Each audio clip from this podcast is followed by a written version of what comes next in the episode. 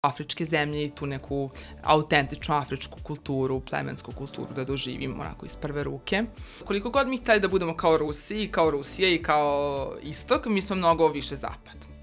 E, mi smo odrasli na američkoj kulturi, na američkim filmovima, na američkoj muzici, volimo, oblačimo se po američkoj na neki način modi. Da budu što autentičnije, ćeš ti time privući sve više, više ljudi koji su slični tebi. Jer ako si ti neko drugi, ti ćeš privući ljude koji su drugi. Ali ako si ti ti, onda ti želiš takve ljude u svojoj okolini. Zar ne? Jer ako se praviš da si neko ko nisi, privučeš ljude koji ti zapravo nisi. Neće ti biti dobro. Kažu, bolje da se kaže zbog nečeg što si uradio nego što nisi.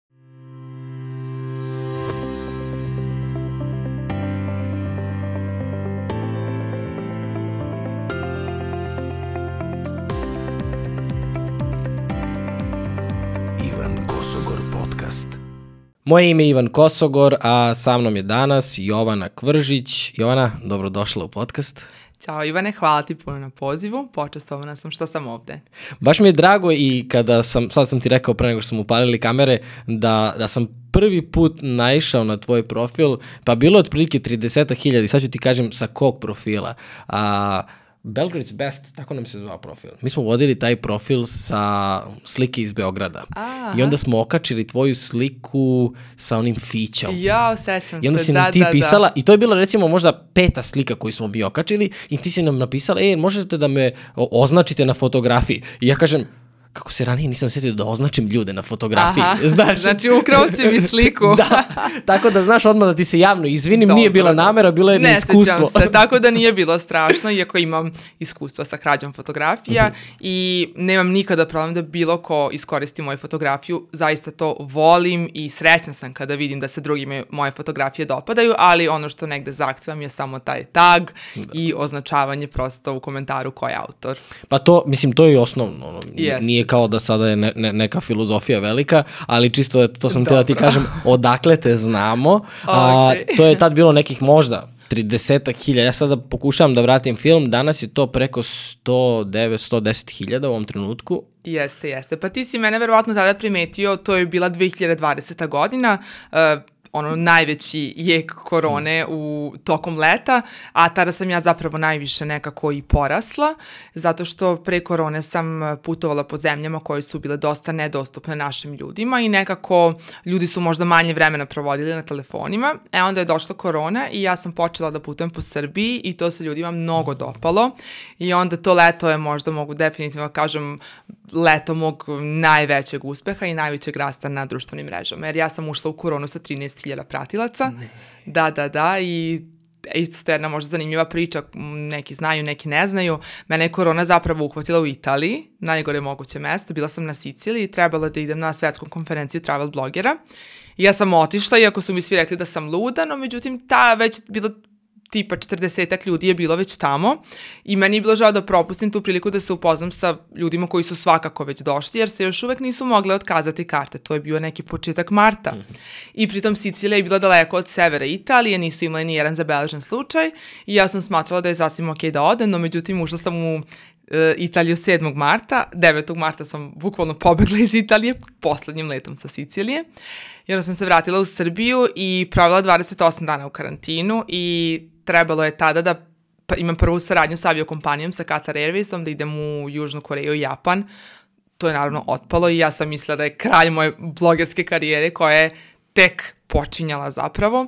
Posle izlaska iz karantina sam se osjećala onako dosta slabo, bledo, nekako na ulicama je bila apokalipsa, ljudi sa maskama, nisam znala šta me je snašlo.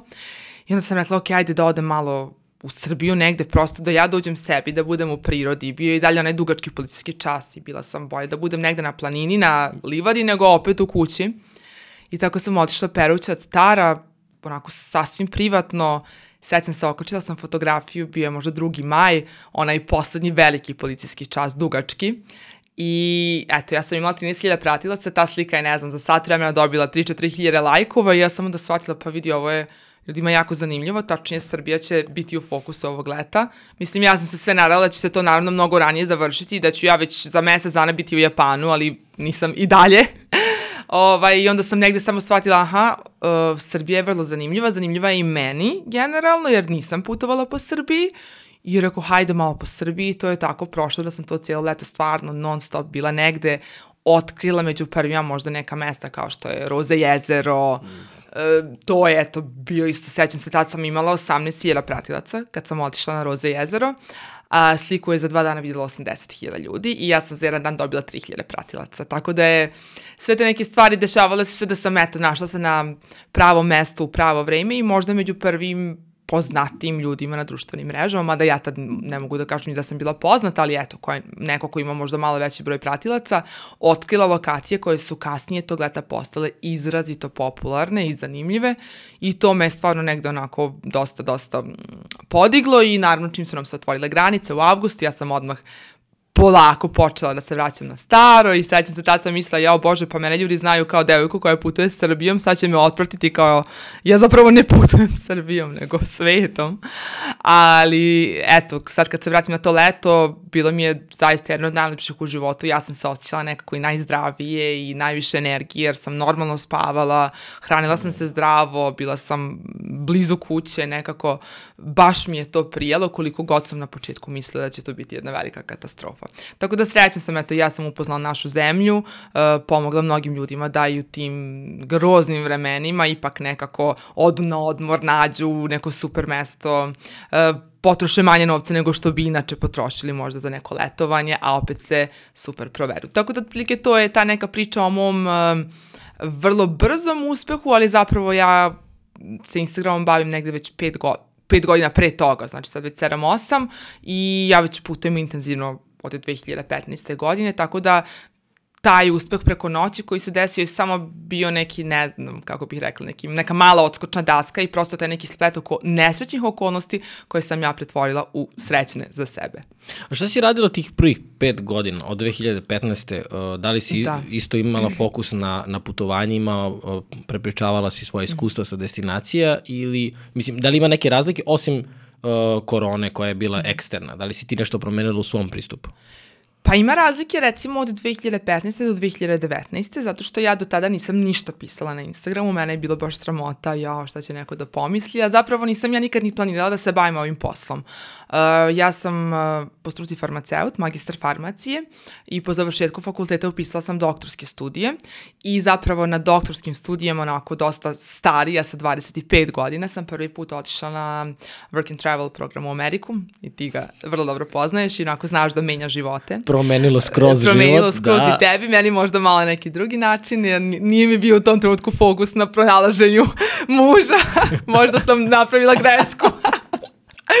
Šalim se, ali prosto baš da. nisam uopšte nekako uh, razmišljala u tom pravcu, jednostavno sam htela da odem tamo da bih uh, ne znam, kad se setim te prve godine, prvog odlaska u Ameriku, nisam čak otišla ni sa kakvim velikim očekivanjima, prosto sam bila m, uh, neko ko tih pet godina fakulteta, fakultet je bio dosta težak i onda jednostavno uh, nisam imala toliko puno slobodnog vremena, nisam mogla da odvojim cijelo leto za recimo odlazak u Ameriku i onda sam videla na doktorskim studijama da ipak ja uh, svoje vreme organizujem kako ja hoću i onda sam videla da mogu recimo ako se potrudim da završim ispite do maja i da onda imam slobodno čet, slobodna 4-5 uh, meseci.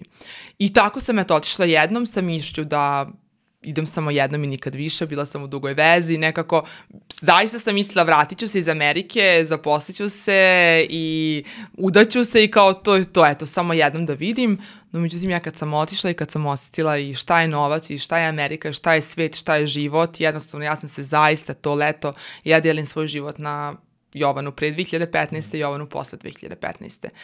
I eto, otišla sam u Ameriku, uvidela sam neke stvari, shvatila sam, ja te godine nisam nešto puno ni zaradila, možda desetak hiljada dolara, ajde, u odnosu na to koliko sam zarađivala posle kad sam se mnogo dobro snašla, ali opet za prvi put je to bilo super, ja sam puno i radila i, i imala lepo iskustvo i od te prve godine, ali negde ona je bila dosta teška. Sad kad se setim, ona je bila više puta sam i razmišljala da se vratim kući, pa prilagođavanje, novi ljudi, sve je to onako bilo lepo, ali vrlo stresno i vrlo s jedne strane teško.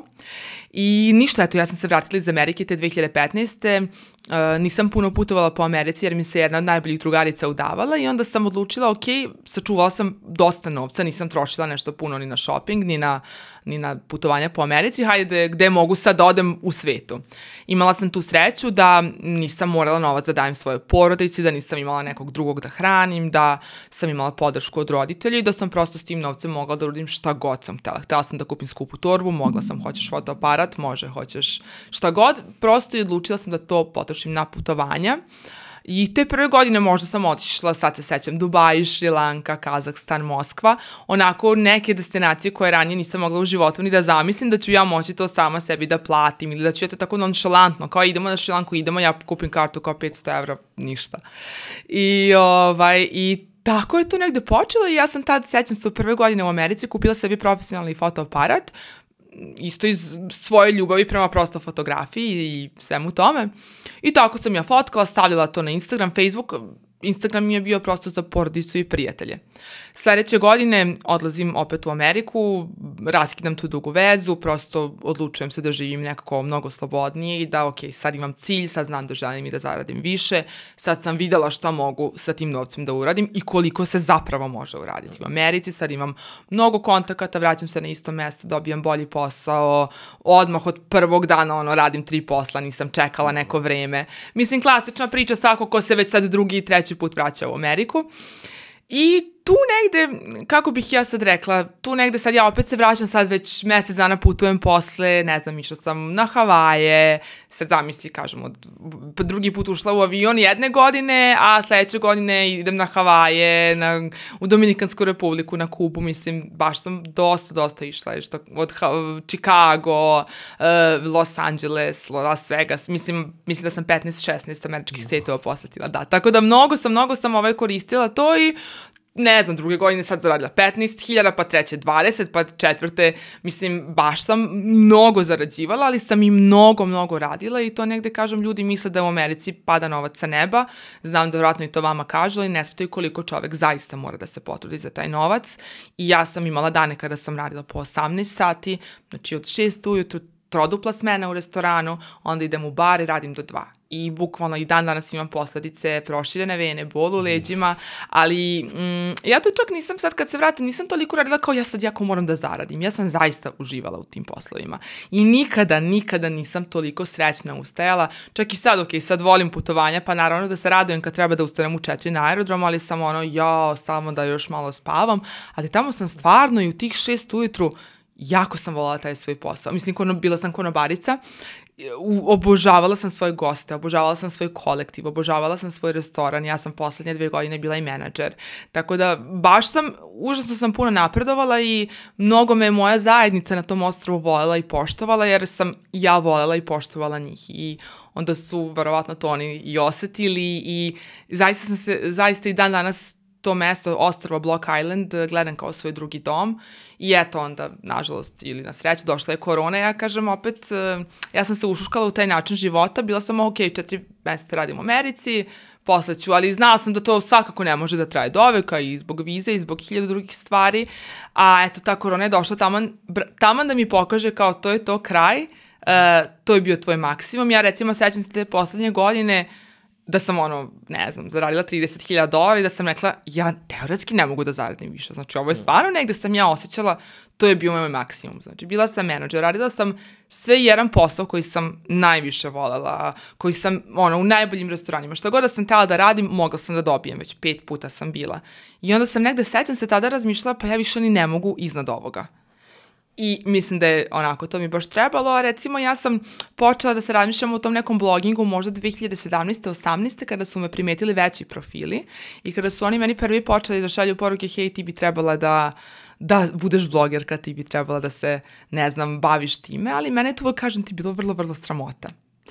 I sad opet da se vratimo na možda na neku prvu prekretnicu uh, u broju pratilaca. Druga značajna je bila 2020. godine, a prva je bila godinu dana ranije, negde početak 2019. godine. Uh, zapravo ja sam kraj 2018. otvorila svoj sajt i to mi jeste dalo neku neki kredibilitet u smislu ja više nisam bila samo devojka koja se slika i naravno, znaš i sam potičem iz manjeg grada, iz Subotice i onda tu su uvek bile razne priče ko njoj plaća ta putovanja, kako sam ja sad, ne znam, na Sejšelima, na Mauricijusu, na Maldivima, e, sama koja je tu iza kolisa, ono ja sama jer nemam s kim da idem, bukvalno.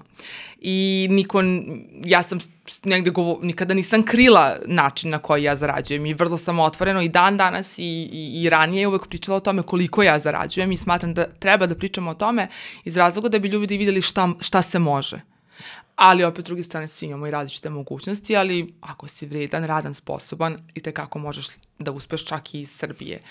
I, ovaj, i negde, 2000, kažem, kraj 2018. ja sam otvorila svoj sajt, jer je jako puno ljudi počelo meni da piše poruke i ja sam trošila po pola sata da bih nekome odgovorila, hej, kako je bilo u Jordanu. I onda sam ja i zbog sebe htela da imam to jedno mesto gde ja kad me neko pita kako je bilo tamo, mogu samo da pošaljem link ka tekstu jer me je bilo sramota da pišem na Instagramu. I dešava se početak 2019. godine, januar, posle našeg Božića. To je onako neki, jedna životna priča da zaista iz ružnih stvari može da nastane nešto lepo. Ali u, u tom trenutku je to bilo jako teško za shvatiti. Ja sam trebala da idem na Bali, uh, možda 9. januara, 8. januara uveče me zabolao stomak. I ja sam mislila da je to jer sam se prela kolača za Božić.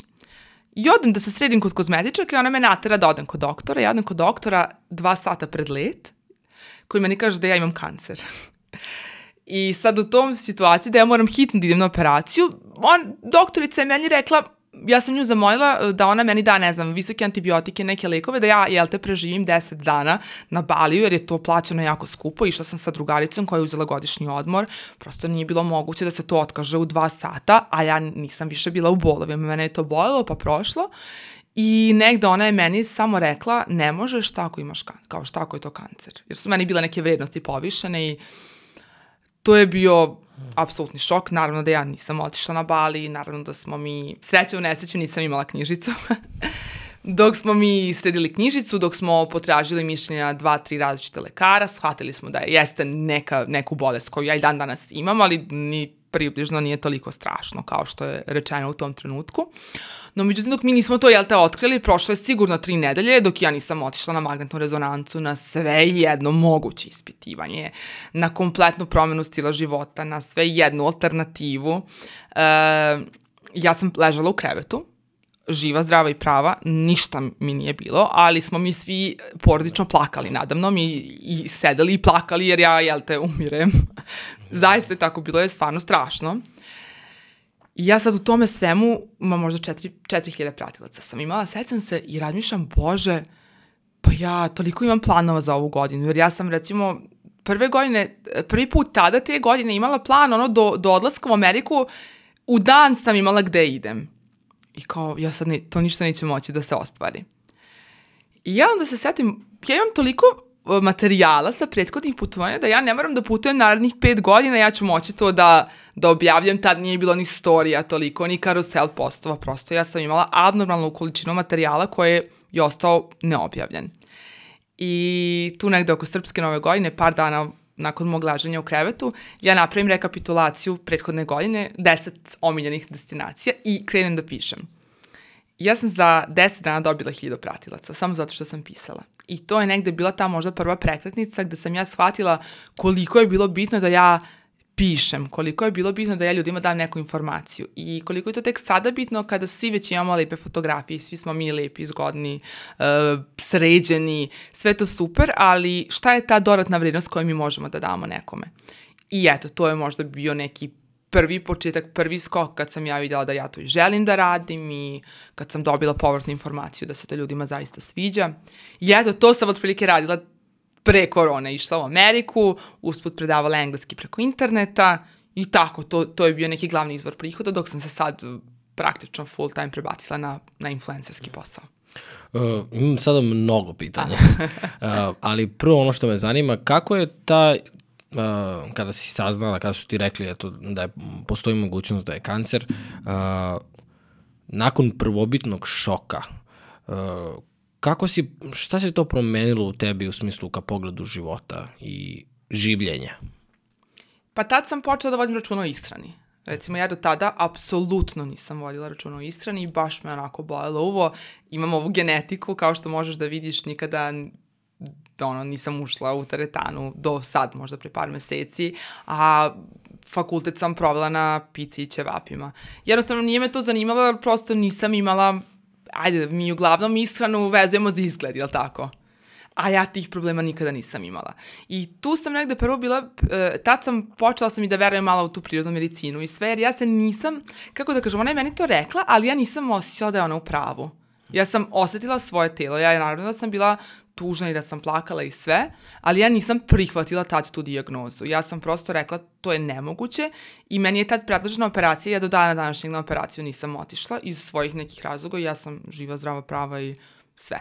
Tako da tu se negde, ja sam, uh, možda se promenio odnos prema mom telu i shvatila sam da nisam slušala svoje telo i da sam ga zapostavljala.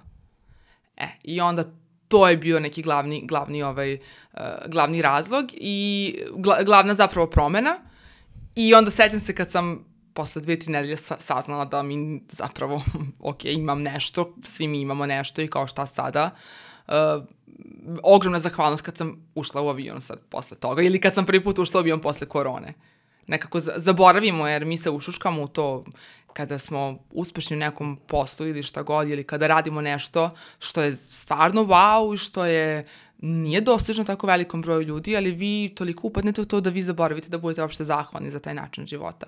A da ne pričamo o tome, o zahvalnosti o tome što ste zdravi i što imate porodicu ili takve stvari, tek to se zaboravi. Ja, eto, ja uđem u, tu ne, u taj neki ono speed i zaista kao zaboravim da sam na neki način privilegovana, s jedne strane, s druge strane ja sam to sama sebi sve stvorila, ali opet ja imam, sam srećna što me moje telo u tome podržava i čuva i prati, tako da zaista negde sam možda osvestila neke stvari, da je to, to bila isto prekretnica. Mislim, tako si uvela ovaj deo priče da iz nekih ružnih stvari može da, preva, da proiziđe nešto, nešto a, mnogo lepo. A, malo si me sada šokirala sa tom pričom, znaš, nisam, zna, nisam znao taj deo, a, a mislim, kada se suočiš tako, ne znam da li nešto drugo može da te satera u zid kao, kao, kao takva informacija, znaš. Prosto ne mogu ni da, da. ni da pojmim to sada u smislu. Pa nisam ni ja, samo ja imam tu dobro smijem da sam ja neko ko je vrlo optimističan i kome je prosto prirodno stanje sreća.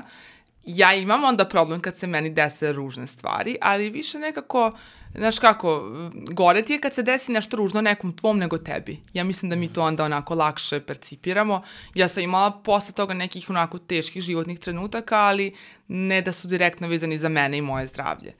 I onda mislim da kad se vratim unazad, najlakše sam podnela to što je bilo vezano za mene. Pa to jeste. Znaš, to, to je to, to, to što je vezano za tebe, a i eto, ja sam stvarno optimista, ogroman optimista, od uvek bila, ja to nisam nikada učila. Uh, S tim što ja to sad možda znam kako time da upravljam, ali ja na fakultetu sam uvek zamišljala pitanja koje ću dobiti i dobijala bez da sam ikada nešto sad ušla u neku modernu psihologiju. Zaista sam uvek živala po tim nekim onako pozitivnim stvarima i jednostavno ja kažem moje prirodno stanje je sreća. E sad to nekad i nije dobro, ali zaista mi jeste. Vrlo sam po prirodi srećna osoba, jako mi je malo potrebno. Znači, ja ti sad meni da si dao roze čašu, ja bih rekla, wow, kako je ova čaša lepa. Ljudi, moji drugovi i drugarice me čisto zezaju, kao tebi je sve wow, ali stvarno mi jeste wow. Ja sam takva i ja se oduševljam, toliko se oduševljam tim malim stvarima, ono, videla sad je bilo neko kuće tu na, na stanici, ja se s njim igram, to meni, to su neke stvari koje mene stvarno jako čine srećno, mi nije mi potrebno puno, čak i kažem, to puno brzo zaboravim koliko sam to nekada želela ako razumeš šta hoću da kažem. Sad ti mene da pitaš, zamisli pre dvije godine da sam ja znala da će moj život izgleda ovako, da ću ja, ono, ne znam, da me dočekuju kao da sam kraljica, da me toliko čuvaju, paze, da mislim, ljudi padaju u nesves, mislim, kad me vidim, smešno je i meni i nekako da ne pričamo o poslu i o svemu što sam uspela za, za malo, mislim, malo ili puno vremena relativna stvar, ali opet negde smatram za tih 30 godina svog života sam to sve sama postigla i mislim da je ipak velika stvar, ali i dalje sam nekako kažem sebi, o Bože Jovana, nisi dovoljno zahvalna i nisi dovoljno srećna je za, za sve ovo što imaš sada. Moraš, moraš kao još malo da, kad, pogotovo kada uporimo neki bedak, mislim, naravno, ono, pogotovo sad kad imaš puno posla, pa obaveze, pa rokovi, pa hiljadu nekih stvari privatno, onda često uhvatim sebe da sam u nekoj depresiji, onda kažem stani, nemaš, nemaš pravo. Mm, mislim, pazi, to je dobar uh, način života, uh, ta filozofija sreće i, i zahvalnosti, ali bilo bi uh, čudno da nemaš te padove, jer onda nešto ne bi bilo u redu. Znaš, to je ona neka fasada koju bi postavila, ignorisanje koje ne rešava, ali ovo sad što si rekla, potpuno mogu da se poistovetim sa tom. To je neki, to je neki način gde uh, imaš kao stvar perspektive, prosto šta god da ti se dogodi, stvarno možeš da izabereš u tom trenutku da li ćeš da, mislim, ne, u redu je biti i tužan, Absolutno. ali, ne, ali tužan u smislu da, da, da to stvarno osjećaš, a ne da onako živiš tu tugu na nekih 30 godina i patiš zbog jednog trenutka u kom si zaglavljen, ali da ne idemo sad u tu da, temu. Da. Imam toliko pitanja vezano za, za tvoje putovanja i celu priču. Uh, rekla si, kada si otišla prvi put u Ameriku i mislila si kad se vratiš, udaćeš da. se i tako dalje, sa tim fokusom si otišla. Ja kada sam odlazio u Ameriku, uh, za mene to bilo, ono, moji drugari se žene, ja sam bio kum na svadbi i sutradan sam putovao. Da. I sećam se da sam sedeo u avionu i razmišljao, Verovatno se nikad neću oženiti. Mislim, ja uopšte ne vidim sebe u tom stilu života. Kao, meni to nije bilo jasno. Znaš, igrao sam folklor 17 godina. Najbitnije mi je bilo da putujem. Najbitnije mi je bilo da sam tu sa tim društvom. Znaš, prosto tako sam ne. I onda sam, kad sam poslednji dan upoznao Emu i kad smo krenuli da se uh, dopisujemo, pa onda Ema došla, pa i sve je tako išlo i kao potpuno, Amerika je meni preokrenula da, život u potpuno drugi, drugom pravcu, ovo što si ti rekla, da, znaš. dobro, mislim, ti si tad bio neko možda mlađi, znaš, pa ipak si se mlad i živeo na taj način. Ti si vjerojatno kad si otišao u Ameriku, sa 20-ak? Pa 23, ja mislim. Emi, 23, 2017. 2000, aha, dobro, ti si onda i kasnije. Da, da, ja da. Pred... Da si nešto manje. Ali opet, znaš, možda je negde, ja stvarno do te 25. godine, ja jesam puno živela, ne mm. kažem, mislim, puno živela, u smislu koristila svaku priliku i za putovanja, i za izlaske i sve. Ja sam živela vrlo ispunjen život. Ali sam ja uvek e, videla da tu nešto nedostaje da ja, da to nije moj puni potencijal i da, da sam ja nekako stvorena za više i da ne vidim sebe u malom gradu i da ne vidim sebe da radim od 8 do 4. I nikako nisam mogla da shvatim šta je to što fali, šta je to, šta bih ja to mogla da promenim, a nisam videla neki izlaz uh, ne znam, prosto da se, da se sad zaposlim u apoteci, pa sad kao koliko god da mi je i plata, nije mi to bilo nikad, nikad mi je bio, nije bio taj neki novac kao glavni fokus, više ta sloboda i ta sloboda izbora u bilo čemu. A šta za tebe znači sloboda? Pa da ne moram nikome da se pravdam, da ono što želim da uradim prosto uradim. I još uvek se učim da recimo ne, rob, ne robujem tuđim mišljenjima, da nisam ni ja 100% slobodna da se razumemo. Ja naravno da mnogo kalkulišem, pogotovo kad ste vi javna ličnost. Morate da pazite i kako se ponašate i šta radite i šta pišete i šta izlažete i to je sasvim okej. Okay. Prosto ja sebe opet gledam kao javnu ličnost, kao što sam došla ovde kod tebe našminkana, uredna, tako gledam da izgledam i na svom Instagramu, jer prosto uh, to je ne, jer moj medij, kao da imam svoju emisiju. I s te strane negde, opet to onda možda nije 100% slobode, jer ti ipak moraš da nekako razmišljaš, ali opet uh, ono što ja znam, i baš sam sad to skoro osvestila, da jednog dana, kad dođe sudnji čas, ako ga budem bila svesna da će da se desi, uh, uh, ja ću da kažem, ja sam živela. Ja sam stvarno živela. I ja sve što sam žela da uradim sam uradila. Bukvalno sve što sam, a kao šta ću još, daj Bože. Ali toliko sam stvari uradila i kao ne mogu da verujem da uh, šta god je, pogotovo sad koliko mi je to dobro, taj financijska nezavisnost, što ja stvarno ne razmišljam. Stvarno. I srećna sam što sam opet ostala skromna i što ja nemam neke ne znam kakve zahteve, niti nosim skupu garderobu, niti me zanimaju skupa kola i takve stvari. Ali sve što ja poželim, istinski želim da uradim. Jutro, sad idem jedno vrlo zanimljivo putovanje, kupim kartu, apsolutno ne razmišljam. Treba da se vozim helikopterom, ne razmišljam. Ne, ne gledam koliko košta. E, I s te strane stvarno smatram da sam vrlo slobodna, da prosto danas mi se da tu idem. Imam slobodu da tebi kažem hoću, neću uh, ljudima, situacijama, uh, ja sebi naravno nametnem previše obaveza, ali opet sam svesna, ja sam ih sebi nametnula. Niko me nije nagovorio. Ti mene nisi natrao da ja dođem ovde. Možda meni danas je ovo vrlo usko i vrlo malo imam vremena, ali ja sam došla ovde zato što ja ovo volim. I ja sam ovo uradila zato što je meni, ja znam da je meni ovo lepo i prijatno. Ja se osjećam lepo i dok pričam s tobom i osjećat ću se sutra lepo kada budem gledala ovaj podcast i zamisli tek za 10 godina ako se nešto promeni, ako nam ovo ostane kao neka uspomena. Tako da, to bi bila ta neka sloboda, prosto sloboda izbora, da ne polažem nikome račune, da sam svesna sebe, da sve što hoću da uradim, ja uradim i nekako što kažu bolje da se kaže zbog nečeg što si uradio nego što nisi. I baš se sad vodim, pogotovo u poslednje vreme u nekim situacijama sam ranije jasno, ja šta će ovaj pomisliti, šta će onaj. Ne sad, šta mi se radi, ja sam uradila, ti kako ćeš to prihvatiti? Prihvati. Sad ovo pričaš i kao nisam nikada pričao s nekim ko mi je rekao uh, sve sam uradio što sam želeo i o, ova definicija slobode se čita u knjigama, u smislu neko će da je opiše, ali ne sretneš ljude koji žive. I, znaš, kao posmatrajući... Pa nisam još uvek baš sve uradila, ali manje više sve što, prosto vidim da sve što sam poželjala, ja sam to uradila i onda mm.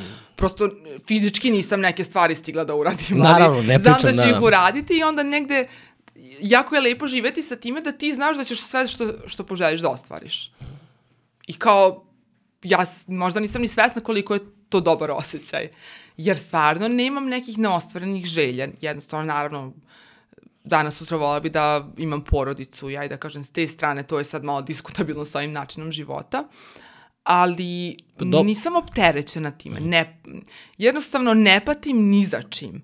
I uh, trudim se da stvari, da uživam u stvarima u koje, u koje, koje radim i da svaka odluka koju donesem, uh, naravno sto puta budem da li je ispravno, da li je nije, ali nekako kroz život se pokazalo sve što sam uradila, sve što mi se desilo, na kraju je bilo dobro. I mislim da svako kad bi se okrenuo nazad i kad bi video svaku svoju situaciju zbog koje je bio tužan, nesrećan, on bi video da je to bio neki pravi izbor. I ima ono nešto, neka slika, ja verujem, ajde, i mogu da kažem i u Boga, u nešto više definitivno verujem, ima i jed, negde sam to sad pročitala, ne mogu ni da se setim, kako e, mi, ljudi, recimo kada nešto ne dobijemo što želimo, ono, e, pod stresom smo, vrištimo, plačemo, ja sam prva takva, ja zaplačem za sve, ja, o, svi su mi krivi, zašto to sad nije tako danas odmah. A onda ima neka slika kako mama i dete su na plaži i dete želi da uđe u vodu, a jako su klizave i oštre stene u vodi. I dete vrišti, vrišti, vrišti i mama ga vuče i ne da mu je. Tako smo mi i Bog. Prosto nas Bog ili šta god, sad da ne ulazimo u to, uh, kaže sad ne treba to da uradiš ili za tvoje dobro je bolje da to bude sada ovako. Tako da, eto, volim se tom politikom, pa sad vidjet ćemo, menja se čovek dokle bude. Ja smatram da ništa nije konačno i za sutra možda ću imati drugačije mišljenje na mnoge teme, za pet godina ko zna tek, ali eto, nadam se da me život neće razočarati. Da, to, to, je, to je isto jedan, jedan dobar dodatak onoj definiciji slobode koju si sada rekla. Uh, malo pre kad si pričala, baš me je to podsjetilo na isto jedan citat gde kaže, setite se uh, onih, uh, kako ste se molili za ove stvari koje imate danas.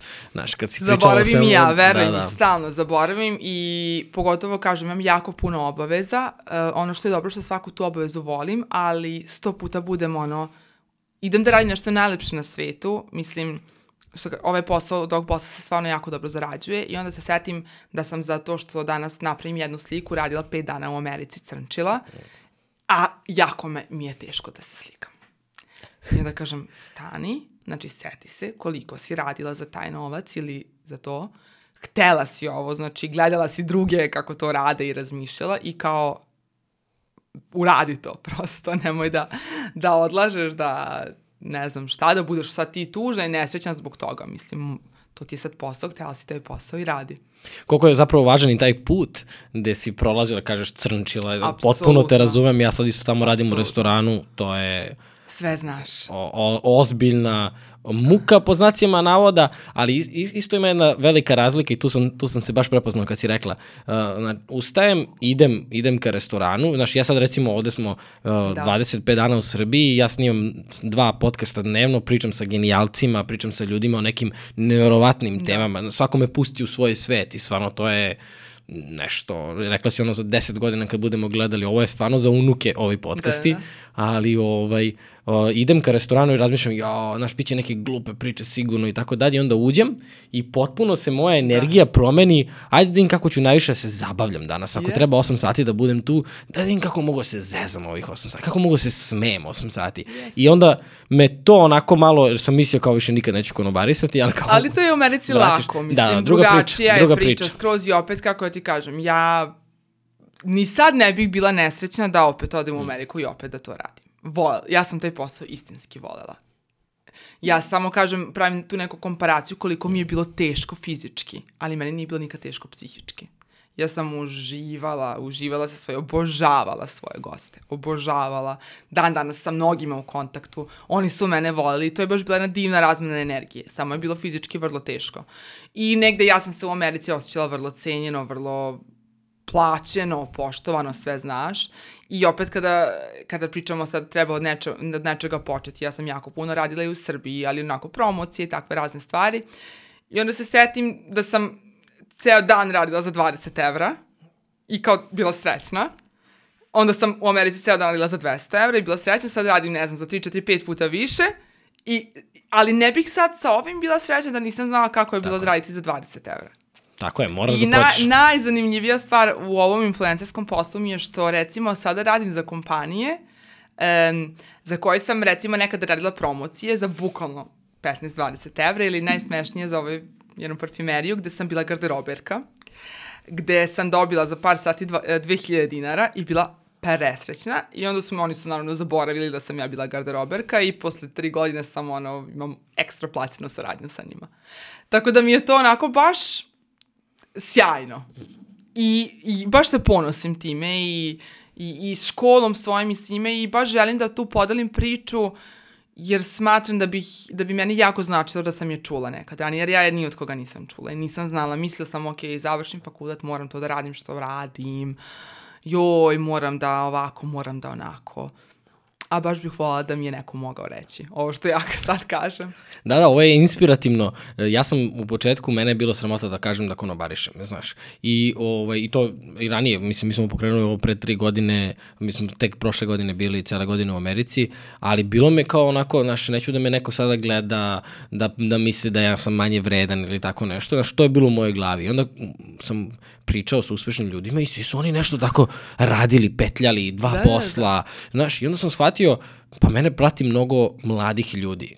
Ja ću izgledati kao da sam preskočio nekoliko stepenika mm -hmm. ukoliko ne ispričam. I sad sve ovo što pričaš mi je ono, uklapa mi se u tu sliku pravog uspeha koji, znaš, je obojen na društvenim mrežama da. jer ti ne vidiš celu priču, ne možeš, da. a sada, znaš, treba da dobiješ korak po korak sistem je to a ne ja sam se slikala i dobila da, sam 15.000. Da, da, naravno, naravno. Uh, hoću da kažem da, eto, to kad pričamo o konobarisanju, to je nažalost problem naše zemlje, to je taj kompleks i to što mi da. imamo, uh, kompleks više vrednosti i što recimo ti znaš samo u Americi, svi konobarišu, apsolutno svi i ono ljudi završ, budu doktori i ono zaposle se u nekom super baru i rade tu jer zarađuju više od doktora.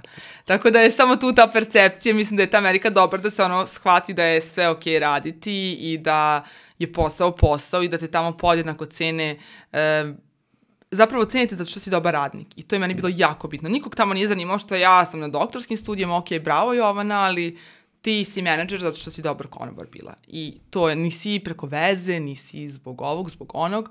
To se meni recimo jako dopalo u Americi. Taj sistem mi se mnogo, mnogo dopao, što ja sam se jedino dokazivala svojim radom. I to je isto velika razlika, uh, što si sada rekla, cenete i poštujete jel radiš. Uh, I ne, ne gledaju, znaš, ti kada kažeš nekome uspešnom tamo, kada kažeš, e, pa konobarišem ovde radim, oni su kao, wow. Wow. Da. Svaka ti, daj da vidim kako ja mogu ti, ako da, si dobar radnik, dođi kod mene. A ovde kod nas si dalje, dečko, Da, da, da, ne, ne, ne, Znaš, drugačije je, skroz drugačiji odnos da. i onda ja sam s tim sasvim okej, okay, zato što sam stvarno tamo stekla baš puno samopouzdanja i onda... Ne. To sam htela da te pitam. Rekla si da te je bilo sramota. Uh, teško mi sada da povežem Aha. sa tim da li si bila stidljiva ili ne uh, ranije i na, šta si rekla da je Amerika... Pa nisam, da, nisam nikad bila stidljiva, ali realno nisam imala nekog samopouzdanja. Mm, jednostavno, možda ono, i ne, ne mogu, sad je to lupo da pričam kad sam ja sad onako u nekakvom najboljim svojim godinama i mnogo sam srećna i zbog svog izgleda i zbog svega, ali jednostavno to negde dolazi sa godinama i naravno da sa 20 i 30 je čovek mnogo se bolje osjeća sa 30, koliko god je sve super sa 20, ali si ti sa 20 pun nekih kompleksa i raznih stvari i što više radiš na sebi, to si srećni i zadovoljniji sobom, a to što se priča tog sramote mene i dan danas ja imam, često pomislim ja šta će neki tamo, ne znam koji reći. Mislim, mene nije recimo nikad bilo sramota od ljudi koji me ne znaju, to me boli ovo, ti ni ne znaju ko sam, nije me bilo sramota od nekih mojih naj, naj, najbližih, zato što oni znaju dobro, nego ti uvijek bude kao neko ko te kao znao, ja, ja, ona iz srednje škole, ja, šta će sad on pomisli, šta se ova tripuje, znaš, e tu me negde, kaže mi, taj sindrom malog grada i šta će sad neko reći, pa ti prođeš, pa te oni gledaju pa komentarišu. To je mene samo bilo neprijatno. Ali ovako, na tu vrstu sramote, mislim. Prosto mi je bilo nekako bez veze da sad oni pomisle šta sad ona misli da je neka blogerka. Da, da. Znaš, e, to. A sad kao sad tu ponosno ističem i kao da jesam i sad ti neki koji znam da su možda nešto pričali, prvi mi pišu i možeš ovo da mi, znaš. I, i mene najviše uh, i iznenade i obraduju kad ono sretnem, baš sam sinoć sreo dva druga i ovaj, generacijski smo razli, razlike, ali se znamo, mislim, mali grade, znaš. I ovaj, ovde sam konobarisan ono 7-8 mesta, tako da sve neke slojeve znam, da, ono, da. od rokera do narodnjaka, ali ovaj, i onda me iznenade mi kaže, e, brate, pratim, kao, baš mi ono bilo, a ja sam kao, oh, ovo mi je, na, naš, najdraži si, jer najteže uspeti u svom selu, znaš. Da, da, da, da, da, da, to je, to je stvarno onako diskuta stabilno. Imam jedno pitanje vezano za putovanje. Pazi, mm -hmm. inače sam planirao da krenemo od toga odakle, odakle si nam došla sad u studio, aha, aha. ali ovaj, prvo pitanje, uh, ne znam da li te ovo nekad neko pita, aha. da li bi pre putovala u budućnost ili u prošlost i gde? I zašto? Misliš destinacijski ili kao trenutak? Trenutak. Pa dobro, definitivno da znaš, vratila bih se u prošlost radi nekih ljudi koji, mi, koji sad možda tu nisu, a eto, voljela bih da ih još jednom vidim. A, da, pre bih se vratila u prošlost, zato što želim da onako, da živim do budućnosti, ne želim da preskočim.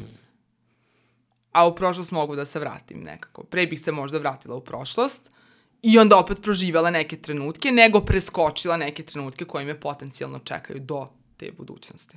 Koje ti je naj, najzanimljivije? Mnogo si, koliko si zemalja obišla? Pa sad 78, da. o, da, da, da. A samo malo preslažeš Mauriciju, Šrilanka, da, da. Maldivi, ono je, Ema izašla iz studija pre pola da. sata, da teško je. 78 zemalja. 78, Jel da. upisuješ to negde? Brojiš pa imam, imam par nekih sajtova, imaju kao te neke aplikacije, kao Places gde sam bio i tako, tako da zato znam. Mm -hmm. Nekom, nisam sad, ne mogu ti sad reći, možda sam pre tri godine kao da pobrojim, pa nekad nešto zaboravim pa se setim, ali imam tih par... Uh, pratim po tim aplikacijama. Mm -hmm. Ne znam, član sam onog sajta Couchsurfing, pa onda tamo imaš koliko si zemalja bio, pa ti izbaci jedno broj. Sad nije da ja to ručno brojim 1, 2, 3, 4, nego prosto imam te aplikacije, onda tako pratim. I onda sad već znam, sad znam da sam na 78, ako sad odem u ove dvije što planiram, znam da će to biti 80-a. I prosto pratim sada, eto, jednostavno. Zanimljivo mi je, jer mi je ono životnici da obiđam baš svaku zemlju na svetu. Koliko ba... ima zemalja? Pa, mislim 196 kao zvanično, Zvanič. šta se tu podrazumeva. Ne, ja generalno sad obilazim oko 15-20 zemalja godišnje, ali se vraćam, znaš. Nisam, ne, ne, nije mi to sad kao slepo da pratim taj cilj, to sam odlučila, ranije sam bila, samo što, prije, što više, što više, a onda mi više ne odgovaraju ta brza putovanja. Baš želim da odim negdje da se ono, iskuliram, ne znam, bila sam u Meksiku preko mesec dana, u Pakistanu mesec dana, u Egiptu tri nedelje. Baš želim da doživim tu zemlju koliko god je moguće naravno ako ta zemlja treba da se bude tamo, prosto neke zemlje ne treba više od tri dana. Ali e, nekako volim ukoliko imam mogućnosti da, da, da što duže budem negde. Tako da ne evrim slepo i vraćam se na destinaciju koje volim. Mislim, u Italiju ću ove godine otići pet puta, što znači mogla sam pet novih zemalja da obiđem, ali prosto volim i vraćam se čak i u gradove u kojima sam bila. Evo, sad sam bila u Firenci, bila sam pre 3-4 godine u Firenci. Sad sam bila juče, sa, došla sam iz Beča, bila sam u Beču pre mesec dana.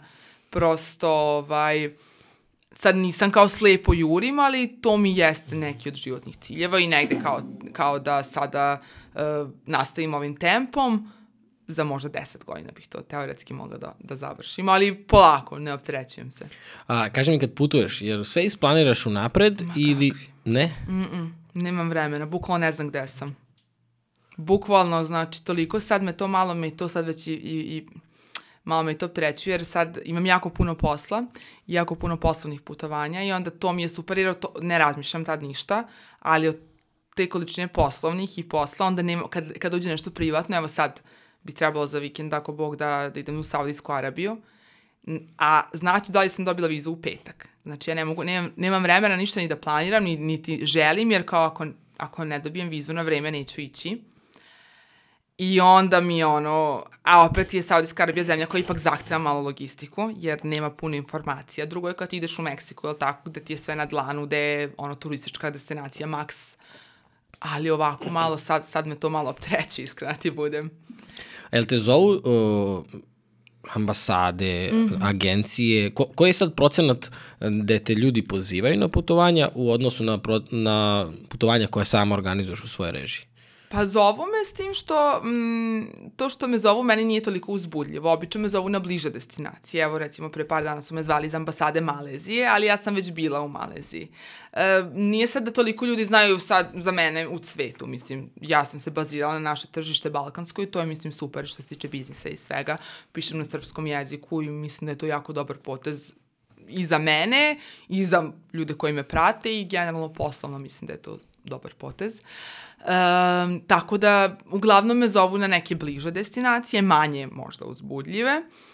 U, u Srbiji regionu, eto, Italija je bila sada, u, išli smo u Austriju poslovno isto.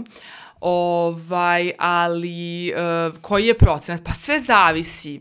Ja recimo se trudim da kombinujem, znaš, kada, ne znam, išla sam poslovno u Kolumbiju, pa sam ostala privatno u, Pe, uh, u Peru i otišla na Arubu.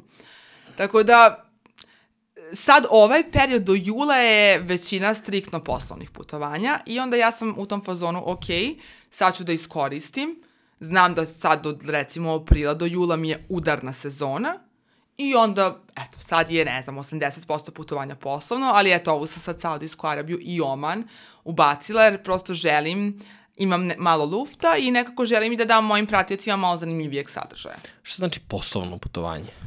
Pa poslovno putovanje, recimo sada smo išli u Italiju, radili smo Toskanu sa jednom kompanijom. Aha, aha znači kompanija te zove iz... Kompanija, različite i na, turističke organizacije me zovu, ministarstva turizma, hoteli, razne organizacije. Da li kompanija organizuje, recimo, prošle put sam išla u Beču isto sa jednom kompanijom, uh, u Austriju, u Nemačku sada isto sa, bože, u Italiju sada sa drugom kompanijom, uh, pre toga sam išla, ne znam, sa ministarstvom turizma te zemlje, pa pre toga sa nekom turističkom organizacijom grada, pa pre toga sa nekim hotelom. Tako da, razni, razni, zaista razni. Koliko mi to sve zvuči zanimljivo. Znaš, ne sediš svaki dan preko... Pa jeste, zanimljivo je jako, stvarno je zanimljivo i ja rado delim svoju priču jer znam da ljudima tu ništa nije jasno. I da oni misle da ja tako samo putujem i kao ne da ništa. Kako izgleda tvoj život van društvenih mreža, u onoj meri u kojoj želiš da otkriješ ti? Ali mm -hmm. u mhm. smislu mi vidimo uh, te fantastične slike, uh, ti voliš da igraš, rekla si mi da. pre nego što smo krenuli da, da voliš da ideš na žurke, da ti prija prosto taj životni stil. Uh, kako izgleda ono što mi ne vidimo na i koliko je zapravo tvoj život na Instagramu u procentima, da li je to 10, da. 50% koliko, koliko deliš i kako izgleda ona druga strana? Pa kad sam na putovanjima delim jako puno, znači to je nekih možda 80, mislim nije 80%, realno ako ja postavim 15 storija od po 15 sekundi, to je, nije ni 3 minuta mog života tog dana, ali jesu neki highlightsi tog yep. dana, tako da što se tiče putovanja manje više to što sam predstavila, to mi se negde i desilo. Uh, A što se tiče života van putovanja, on nije nešto pretrano zanimljiv i ja onda niti želim da delim, niti smatram da bi to ljudima bilo zanimljivo, mada oni vole, to mene nekad čak malo i nervira kao pratite me zbog putovanja, a onda kada nešto objavim privatno, to ima najviše pregleda i svega. Ljudi to vole, ali ja sam rekla ja neću da pretvorim svoj život u reality show, ni po koju cenu, i po cenu manjeg engagementa i manje posla i svega, jednostavno privatno ne, ne slikam svoju kuću, prijatelje koji žele, ako neko želi, ako ne žele, apsolutno ne, partnera. Ne. Rekla sam u, u trenutku kad su pre, počeli da prepoznaju uh, mog dečka, kad sam imala možda 13-14 hiljada pratilaca na ulici kad su počeli da mi šalju poruke, hej, videli smo ga tamo i kad su njemu počeli da prilaze u kafiću, ja sam rekla, to je to. Više, Mis...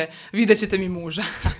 Mislio sam više na onaj deo uh, privatno kad sam rekao na putovanjima Da. u smislu ima stresa, ima kašnjenja, ima jurnjave. Ima, ali ja to ne pokazujem, jer ja kad sam pod stresom, mislim, ne pada mi na pamet da se snimim. Niti kada sam tužna, niti bilo šta. Smatram da uh, toliko je ružnih stvari na internetu, toliko je uh, mržnje, tuge i svega, da ja jednostavno uh, sam odlučila da stvarno prikazujem lepe stvari. Ružne stvari ako će oni nekome koristiti, ali sad ja da nešto prikazujem kako sam tužna, kako plačem, kako... Ne znam, jednostavno ne smatram da će to ikome išta koristiti. Uh, ja se nosim prijatno dok to radim, tako da te neke probleme zadržavam za sebe. Ne zato što želim da pokažem da je moj život savršen, apsolutno ne, nego samo zato što smatram da nema poenta. Ja sam svoj Instagram napravila da bude poslovan, pratite me zbog putovanja, tu i tamo, malo mode, malo nekih drugih stvari i to ono što dajem. Ja nisam neko tu ni da daje savete, niti da u neke druge vrste, tako da eto, smatram da je Lep- tome sadrži. Lepo je kad, kad znaš i kad odrediš svoje mesto, znaš, u smislu tog, tog traženja, uh, kao što si rekla, znam šta hoću da pokažem, da to ima neku vrednost i da to ima smisla ljudima koji me prate. To, to mi se baš dopada kao, kao pristup. Pa time se vodim ja i kroz život sam naučila da, ok, super je da ti uživaš i ja se trudim da na putovanjima uživam koliko god mogu, ali nekako ta svrha svačija treba da bude da ipak koristimo ono, svetu. Znaš, i ti ovaj podcast, ok, snimaš zbog sebe, ali s druge strane, ja opet verujem da ovaj pod- podcast koristi mnogima. I nebitno popravljaš cipele, koristiš drugima. E, Snimaš se, praviš nešto smiješno, popravljaš dan drugima. Tako da sve što treba da radimo treba da bude taj možda neki malo više fokus kako mi možemo da koristimo. Ne u smislu koristimo drugima kao da nas neko iskorišćava, nego jednostavno da, da damo svetu uh, nešto što, po čemu smo mi jedinstveni, po čemu se razlikujemo od drugih. I koja je to sposobnost koju mi možda imamo, a neko drugi nema, a koja će pomoći. ali ti si imala, a, neću da iskoristim reč sreće, ali a, i, imaš, imaš stvarno tu sreću da si pronašla to. Što je tvoja vrednost, što je, što je tvoja da. priča. Nadam se opet, možda se to da. promeni, ali sad u ovom trenutku zaista tako osjećam. Pa, znaš kao, ajde da, da ja kažem nešto iz, iz, ovog, iz ove perspektive, znamo se nekih dva da. sata, ali uh, imaš predivnu energiju i ovo o čemu pričaš, pričaš sa, sa dosta entuzijazma i onda to je jedan dobar znak da si usklađena. Do, sada neću ulaziti opet u nešto privatno Da. i tako dalje, ali jednostavno vidi se da to što radiš ne radiš da bi radila, nego zato što u tome uživaš i ti tražiš načine kako da to bude još bolje. Tako da je to, to je, to je dobar pokazatelj iz Kad ove bi moje ljudi znali perspektive. koliko je ovo teško i koliko je naporno. E, ja da ovo ne volim do srži, da ne živim ovo 150%, ja bih odavno sve ovo ostavila. Veruj mi, svaki dan, je, kažu ljudi kad tako, jao ti divno, ti je uživaš, oni uopšte ne sjećaju da je moj, da ja na svakih pet minuta kalkulišem da li je ovo što radim dobro ili nije. Da li je ovaj život, odabir ovog života dobar ili ne. Da li sam ja, zašto sad se ja nisam udala, zašto nisam uradila ovo, da li meni ovo trebalo. I onda, znaš, dobiješ neku poruku koja je to ono u potpunosti oduva i shvatiš da, treba ovo da nastaviš da radiš. Sad sam, kažem, bila u Beču i bilo mi je smiješno što me ljudi u Beču prepoznaju i naravno. I prišla mi jedna devojka u gradu i rekla, molim te samo jedno, nemoj ovo nikada prestaneš da radiš. Ja onako, dobro, iako sam kao, dosta. Kada- Baš sam bila umorna ovih dana i kao, joj, jako me, jako me smara, ne mogu više. Znaš, kao sam sebe smoriš već. Ali dobro, Stižu te poruke onako ne, neočekivano, je, znaš. Kaži mi da te vratim na putovanja. A, 78 zemalja. U kojoj zemlji bi izabrala da živiš? u Srbiji. Eventualno u Americi. Aha. I nekad sam ranije bila ono rusofil, pa kao u Rusiji, ali sad, nažalost, ovo sve što se dešava. A što Srbija? Pa dobro mi je, mislim, ja imam posao koji ja radim za nešto mnogo više od srpske plate, a ipak živim po srpskom standardu. E, prijatelji su mi tu, ja sam jako vezana za porodicu, e, tako da ja volim Srbiju i volim Beograd konkretno i rado mu se vraćam i volim što mi je to baza. A, kaži mi sada na osnovu tvog iskustva, koja je zemlja najsličnija nama? Kao ljudi i energija? Austrija, sad u Beču, znači kao da sam u Beogradu, bukvalno ja ne, nisam mogla da verujem. Šalim se, mislim, jeste, ima tih zemalja, naravno, gde ima jako puno naših ljudi, gde ti si apsolutno osjećaš kao da si kod kuće. I ja, eto, meni i kuma živi u Cirihu, pa mi izlazimo u srpske klubove i ono, gde god stanem nešto, krenem da pričam na engleskom i ono kao, bolje da pričam bukvalno na našem jeziku, zato što veća je verovatnoća da će me neko razumeti nego da pričam na engleskom. A druga kultura, u smislu kao potpuno neki ljudi koji pomislila bi nemaju veze s nama, a onda, recimo za mene su to Meksikanci. Aha. Oni su onako glasni su, vole ljuto, vole da popiju, vole da izraze svoje osjećanja. Barim ovi su, sa koje, koje sam ja upoznan, sa kojima ja radim, meni su oni stvarno, ja im da. se kao, vrlo su slični nama, po temperamentu. Pa, da, dobro da, ali meni su recimo oni mnogo opušteni i ono što meni smeta u Srbiji, ok, sad smo rekli neke pozitivne strane, ali što meni smeta je to što ovde ljudi ne gledaju svoje posla, ljudi stalno gledaju nekog drugog i to mene, umesto da se fokusiraju na sebe, stalno na nekoga drugog, stalno se nešto komentariše, stalno nešto uh, i uštogljeni su. Mi jesmo cool kad popijemo, ali ajde izađi u klub do 12 uveče, niko nije se pomerio sa stola to je ono što su ljudi vrlo uštogljeni nekako, vrlo, znaš, sve da to, da to izgleda kako treba, da to sve bude po nekim... I ono, mene to malo, malo, malo iritira. I opet me nekad s druge strane, naravno, što ne znaš reći, što uh, ta čekanja, ono, što su svi uvek nervozni. Ja Ameriku volim zato što ja sam sa osmehom išla u banku, u poštu, supermarket, svi su srećni, svi su nasmejani, sve ono, poprave ti dan, bukvalno dok je ovde malo drugačije. Tako da mislim, ne, sad sam dala primjer samo, ne mogu reći da je Austrija slična Srbiji ni na koji način, samo se, mi je bilo smiješno, eto, ta, to iskustvo Beča, gde sam se ja, ono, kao, nisam što imala osjeća da sam u stranoj zemlji. Ja bih rekla, pa, mi smo odrasli, koliko god mi htali da budemo kao Rusi, kao Rusija i kao Istok, mi smo mnogo više zapad. E, mi smo odrasli na američkoj kulturi, na američkim filmovima, na američkoj muzici, volimo, oblačimo se po američkoj na neki način modi, brendovi američke nosimo, e, tako da ja negde sam se osjećala vrlo prihvaćeno i vrlo uh, ok u Americi. Zaista sam tamo mogla da se onako prilagodim brzo, što smatram opet koliko god volim Rusiju, mislim da, da su oni previše konzervativni. I o, negde onda tako da kažem, ta, ta neka strana Američ, Amerika je meni bila vrlo slična, onako, mada opet sam žila okružena jako puno naših ljudi, pa ne mogu da ti kažem. Da, da, to može malo da promeni, da, znaš. Da, da, da, da. A nešto u potpunosti suprotno, pa dobro, to su recimo islamske zemlje, Pakistan ili Bliski istok, gde prosto ljudi su odrasli u potpuno drugačijim uslovima i mi neke stvari apsolutno ne možemo da pojmemo, što ne znači da smo mi normalni, oni ne ili obrnuto, jednostavno kako si odrastao, društvo tebe oblikuje i hteli mi, ne hteli, mislim i ti si obučen, ono, ne nosiš ne znam šta i ja nosim vrlo nešto što nose svi i vrlo smo slično obučeni i ne, za, nije to da ti nosiš to majicu zato što ti voliš, nego jednostavno to je prihvatljivo za naše društvo. I, i da Ema mi je kupila, pa da. moram. Pa ili to, e, to, to je super, ja se uvek kažem, ja se ponosim time što mene ovaj, uh, uvek prate me žene, a ne muškarci I čak i kad nešto reklamiraš za muškarce, mislim da ovaj, treba da ti bude ciljno, uh, ciljna grupa žene, zato što žene sve kupuju. Neko mi je rekao, smela sam se, bila sam na nekom vrlo ozbiljnom sastanku i baš sam, to smo, pričali smo, zapravo mislim da je bilo o, kola su bila u pitanju, ali smo ovaj, baš pričali o tome kako Uh, ja sam, eto, se pohvalila kako mene prate žene i kako žene kupuju većinski, onda on rekao, pa da, on je onako ozbiljan, uspešan biznismen, koji je rekao, pa da, upravo si, meni žena čak i gaće kupuje. Pa. Tako da smo se ovaj, vrlo nasmeli, rekli da, super je, zato što stvarno žene, žene odlučuju, ali eto, Jema je videla da je to moderno i da i sviđa joj se kako ti to stoji, slažiti se s očima, pa.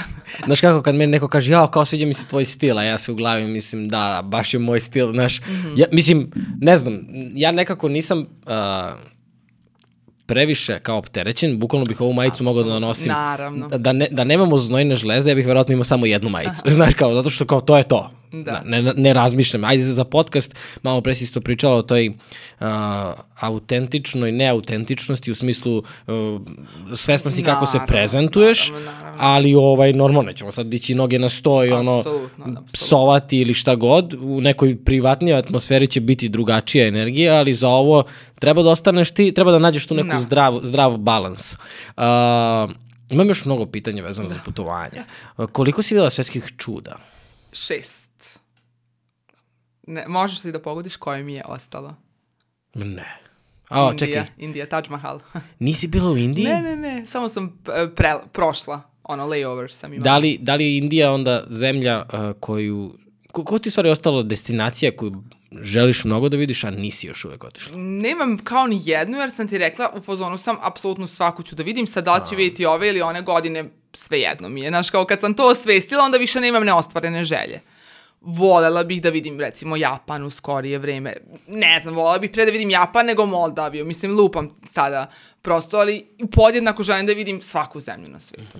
Japan bih volela, volela bih možda malo više da onako afričke zemlje i tu neku autentičnu afričku kulturu, plemensku kulturu da doživim onako iz prve ruke. E, šta bih još volela? E, pa evo sad ova Saudijska Arabija me kopka već dvije godine od kad su se otvorili za, za turističke poste, zato što jako volim Bliski istok i ja se osjećam kao da tamo pripadam. I ono Što? To su, pa ne znam, ja uvek kažem nekako, e, mislim, jako volim Srbiju i sve to, ali tamo osjećam neki poseban mir. I ne mogu to da opišem. Jednostavno, kada negde osjećaš se, e, više sam svoja tamo nego u Evropi. Iako sam ja vrlo moderna, kao što možeš da vidiš, i, ali jako, jako se osjećam tamo nekako mirno i staloženo i meni to prija. Volim, volim, ne znam, eto, volim Bliski istok, prosto volim Bliski istok i volim, volim da putujem kroz islamske zemlje. Naravno, ne bih tamo verovatno nikada živela, jer sam potpuno drugačija, ali mi prija boravak tamo prija mi ta komunikacija sa ljudima, prija mi to poštovanje žena, prija mi malo nekako drugačiji odnos prema svemu i volim sad, da me pitaš zašto, ne, prosto osjećam u duši da deo mene je od tamo. Sad, da li neki preci, verovatno ono. Da, to Yes, nikad ne znaš. Da, Da, ali da. stvarno, stvarno to osjećam i stvarno volim i radujem se. Uh, sad ovako na brzaka šta bih još htela... Pa to je to, mislim, Ameriku sam manje više dosta prošla, Karibe isto, krstarila sam tri puta, tako da sam skoro sva Karibska ostrva prošla. Jo, kad Da. tako pričaš, jesi nekad ono uhvatila sebe da si negde na nekoj destinaciji kao čoveče, otkud ja ovde? Da, da.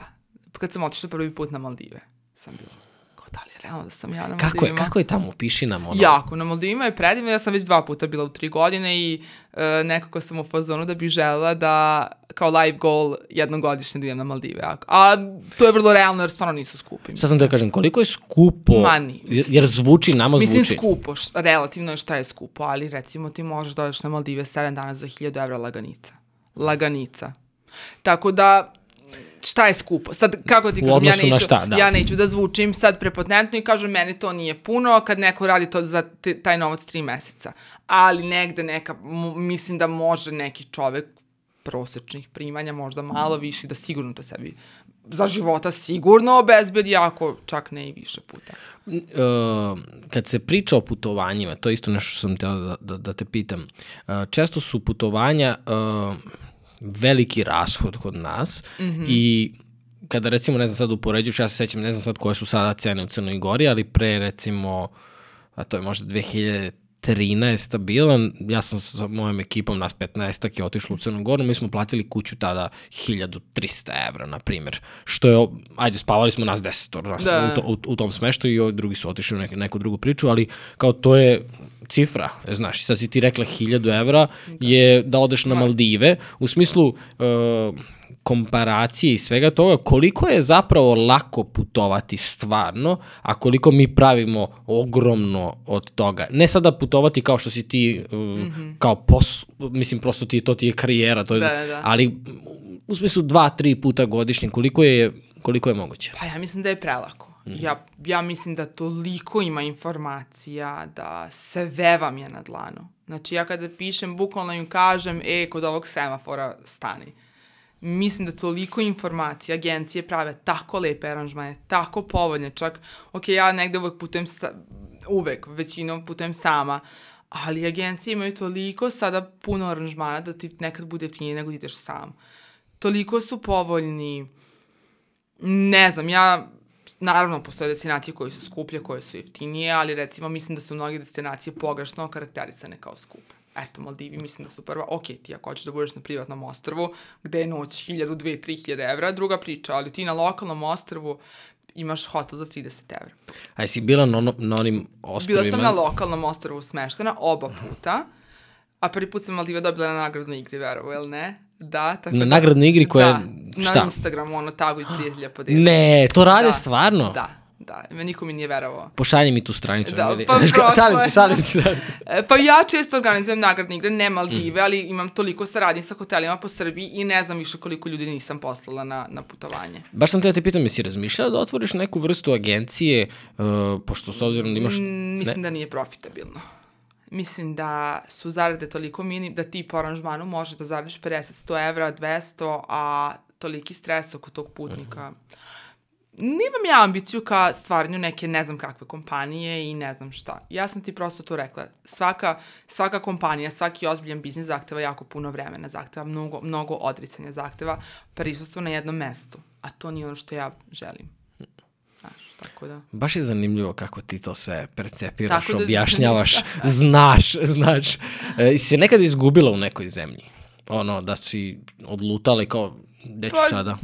Mm, Da, ali ništa, nikada ništa ozbiljno. Jel ti se desilo nešto, sad pokušam ono, da te A, ne pitam kao ispričaj mi ružno? anegdotu, ne, ne, ne, nego zanima me neka najčudnija priča koju si čula, e, nešto što ti se dogodilo jednom u životu i što si ono, e, ovo mi se više nikad neće desiti kao... Pa ne znam, svadba u Pakistanu kad sam tri dana kad su me oblačili kao mladu, to je bilo onako naj... Udala si se u Pakistanu? Nisam se udala zapravo, Ok. ali bilo je smiješno što su neki ljudi misle da stvarno jesam, jer to je počelo iz neke sprdnje, ja sam htela da odem na njihovu svadbu, ali bila je korona nešto, ovo ono, bili smo u nekom vrlo konzervativnom dijelu Pakistana i onda mi, kao i ako bi me pustili na svadbu, ne bih smela da snimam i tako.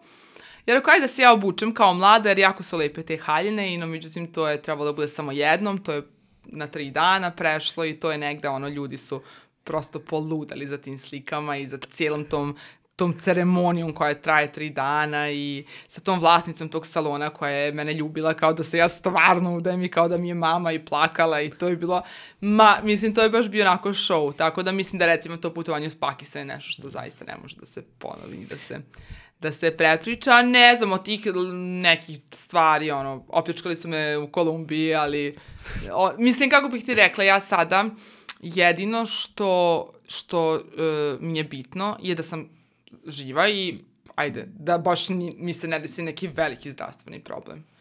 Jer ako si živ, sve možeš. Mislim, znaš, kao ljudi, ja, šta ako izgubim pasoš? Mislim, wow, šta sada? Ostaću pet dana duže, dobit ću putni papir i vratit ću se. Uh, novac, ono, poučena tim nekim iskusima, ne nosim puno nikad novca, ok, ukradeš mi karticu, smislit ću nešto, ima Western Union svuda, mislim.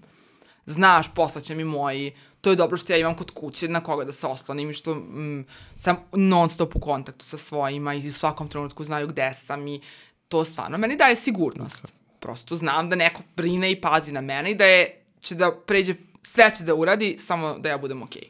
Da, da, pa to To je jako bitno, što eto, hvala Bogu, nisam imala nikad neke ekstremne situacije, Mhm. desi se, zakasniš na let, pa sve je to, ali hvala Bogu, ništa, ništa stvarno ozbiljno. Jesi upala na tu svadbu kao što je Maglov upao ovde A nisam ili... na kraju ni upala na svadbu, A, mi smo samo pravili mene kao da sam ja mlada fiktivno, morat ću to da ti pokažem, to je stvarno Da, nešto. da, baš me zanima Da, sad. da, ne, ne, nisam, nije bila svadba, nije bilo Mhm. veselja, ali je bila te pripreme koje su, ja sam tri dana imala po deset fotografa, svaki dan drugačije nokte, sočiva, haljine, šminke, frizure, mislim, to je bilo ono, to su bile tako pripreme, ja sam rekla, ja sad više ne moram ni da se udam, ja sam se ono ispre, ispremala više, ovo nikad neće biti lepše nego što sam sad bila, niti imati raskošniju haljinu, to je to. A kako se to dogodilo? Šta si...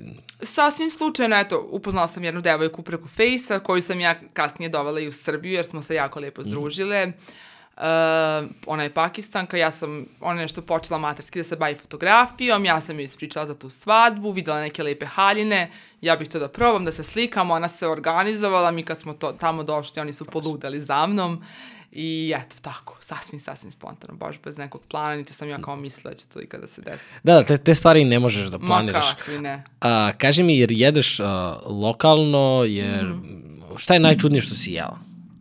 Pa probala sam zmiju, ne znam, na, na Tajlandu ili u Kambođi ili škorpiona, tako neke, ono što se na ulici prodaje. I? Da. Pa nije to nikakav ukus, zato što su oni toliko jadni prepečeni i slani da je to kao da ti jedeš čips. Ali Hmm. dođe ti nagon za povraćanje jer ti kao kad vidiš tu zmiju, ono kao, oh. Ne. Ali to je jako hrckavo onako, ja sam samo repić gricnula. Uh, e, jedem lokalno, ali znam šta mogu i šta ne mogu, uopšte ne eksperimentišem. Znači, neću jesti bube, žabe i takve stvari, neću to ni da probam. Jedem ono, standardno, piletinu na sto načina, ako, svinjatinu probat ću neki lokalni specialitet, ali neću zato što neću da pokvarim stomak. I stvarno se plašim toga i baš mi nije ono u cilju da se sad nešto razbolim ili da nešto eksperimentišem. Ali jedem lokalno, ono u Aziji prvih deset dana, onda kažem, sećam se kad sam prvi put otišla, imala sam tu neku veliku azijsku turu, uh, Vijetnam, Kambođa, Tajland, I onako sva sam prvih dana jao pirinač, ja ovo, ja ono, i vidim tipa Burger King ili McDonald's i kao, bože, koja budala dođe ovde i jede u Burger Kingu. Deseti dan, ja sam toliko bila gladna zbog tog pirinča i rekla, otišla smo, kupili smo ono pet Big Macova i kao, jedi! Znači, ne mogu više pirinač i piletinu koje, dva komada piletine. Znaš ti, mi kad smo bili u Americi, uh, a ovo je stvarno istinita priča i sada nas je bilo, znaš kako na Work and Travel imaš ono, Da, ci, da. cimere i to, i nas sedmorica u stanu i uh, sa Jamajke, Kinez, ja, Bugari i uh, Slovaci. I ovaj, znaš, niko ne kuva osim Jamajčanina, znaš. i on Joj, sam bila sam na poneo- majci dva puta, sve znamo čemu Pazi, pričaš. poneo one svoje začine i sve. Sve znam. Mi smo jeli tri i po meseca svaki dan uh, pirinač, piletina i ti začini. Ja dolazim kući i majka napravila pilav taj dan. Aj, sa piletinom. A ja kao, Aj, oj, da. te, teška priča, znaš, Da, ali da, da. bukvalno kao stvarno tri i po meseca, ono, par puta sam jeo, o, o, ne znam, neke burgere, Five Guys, ne znam da si probala to, Mhm, o, znaš, ali kao, ne možeš to da ješ svaki dan, skupo je, ono, hoćeš da uštediš maksimalno, znaš, ali kao pirinač i piletina tri i po meseca, ali bukvalno, jer on ništa nije znao drugo da spremi, Znam, znam. Znaš, kao ja ono pržim jaje za doručak, a on sprema, sprema nama Da, ru- da, i tako smo se podelili, ja sam brao sudove, uh, Kinez je išao kao, kao u vicu, znaš, ono, Da, ki, da, da. Kinez, Da, crnac i da, srbin. Uh, on, crnac je kuo, a Kinez je išao da kupuje. Znaš, tako smo se podelili i bukvalno, ono, kao, o, i onda kad, sam, Znam, znam, kad sam došao ovde pa ćevapi, kao, ja. Sve znam, sve znam. Na koje mesto se ne bi nikada vratila? Pa nemam ništa, nisam imala neko ružno iskustvo. Mhm. Sad ne bih možda išla opet u ove severnoevropske zemlje, ne znam, Finska, mene ne privlači da dođem opet. Mada u suštini ne bih opet išla možda u te glavne gradove, ali definitivno bih otišla u selo Deda Mraza u Finskoj i tako. Uh, eto, možda severnoevropske zemlje me nešto ne privlače preterano. Bila sam u većini, samo nisam bila u Norvešku. U Norvešku bih voljela da odem definitivno, da vidim ono fjordove i tako. Ali nemam sad kao, e sad baš neću tu nikada da se vratim. Kao, nemam, nigde nemam ružno iskustvo. A kako pratiš uh, u smislu, e sad je ovo je super da odem tu, to je popularna destinacija i da li izbegavaš uh, ono, sad ću ti dati plastičan primjer, kad si u Rimu da ne ideš kod Koloseuma jer je sve ono za turiste, nego jer, jer ideš malo dalje u neke sitne Sve uličice. zavisi. Ne, uopšte se ne opterećujem kao da li je turističko, nekako mi je lepo, lepo. Mislim, zna se zašto je Eiffelov toranj popularan, zato što je najlepša stvar u Parizu. Mislim, znaš, dajem ti primjer, nekako uh, ne opterećujem se time sad, ja moram sad nešto, ne znam šta, volim kada otkrijem naravno nešto novo i kada nađem nešto wow, što niko do, do tad mislim ne niko do tada, ali nije nešto pretarano isfotkano ili pre, pretarano se ne priča o tome. Ali ono, uglavnom, pratim te neke prvoklasične turističke vodiče, mislim, zavisnosti koliko imam vremena. Ako imam više vremena, onda ću prvo da uradim glavne turističke znamenitosti, onda ću posle nešto... Mislim, kad nešto nisam videla, nebitno koliko puta je neko video Eiffelov toranj, ako dođeš u Pariz, ja ću opet otići da, vidim Eiffelov toranj. Jel tako? Jer Dobro, ga to ima videla. smisla, da, da. E sad to da li ću jesti kod Eiffelovog tornja, mislim ako nisam jako gladna onda neću, ali ako sam jako gladna i tu sam ceo dan onda hoću. Tako da ne moram sad da nađem ne znam šta wow pored toga. Ajde da, da zaokružimo priču, da se vratimo malo na Srbiju. Šta preporučuješ svima da posete u Srbiji?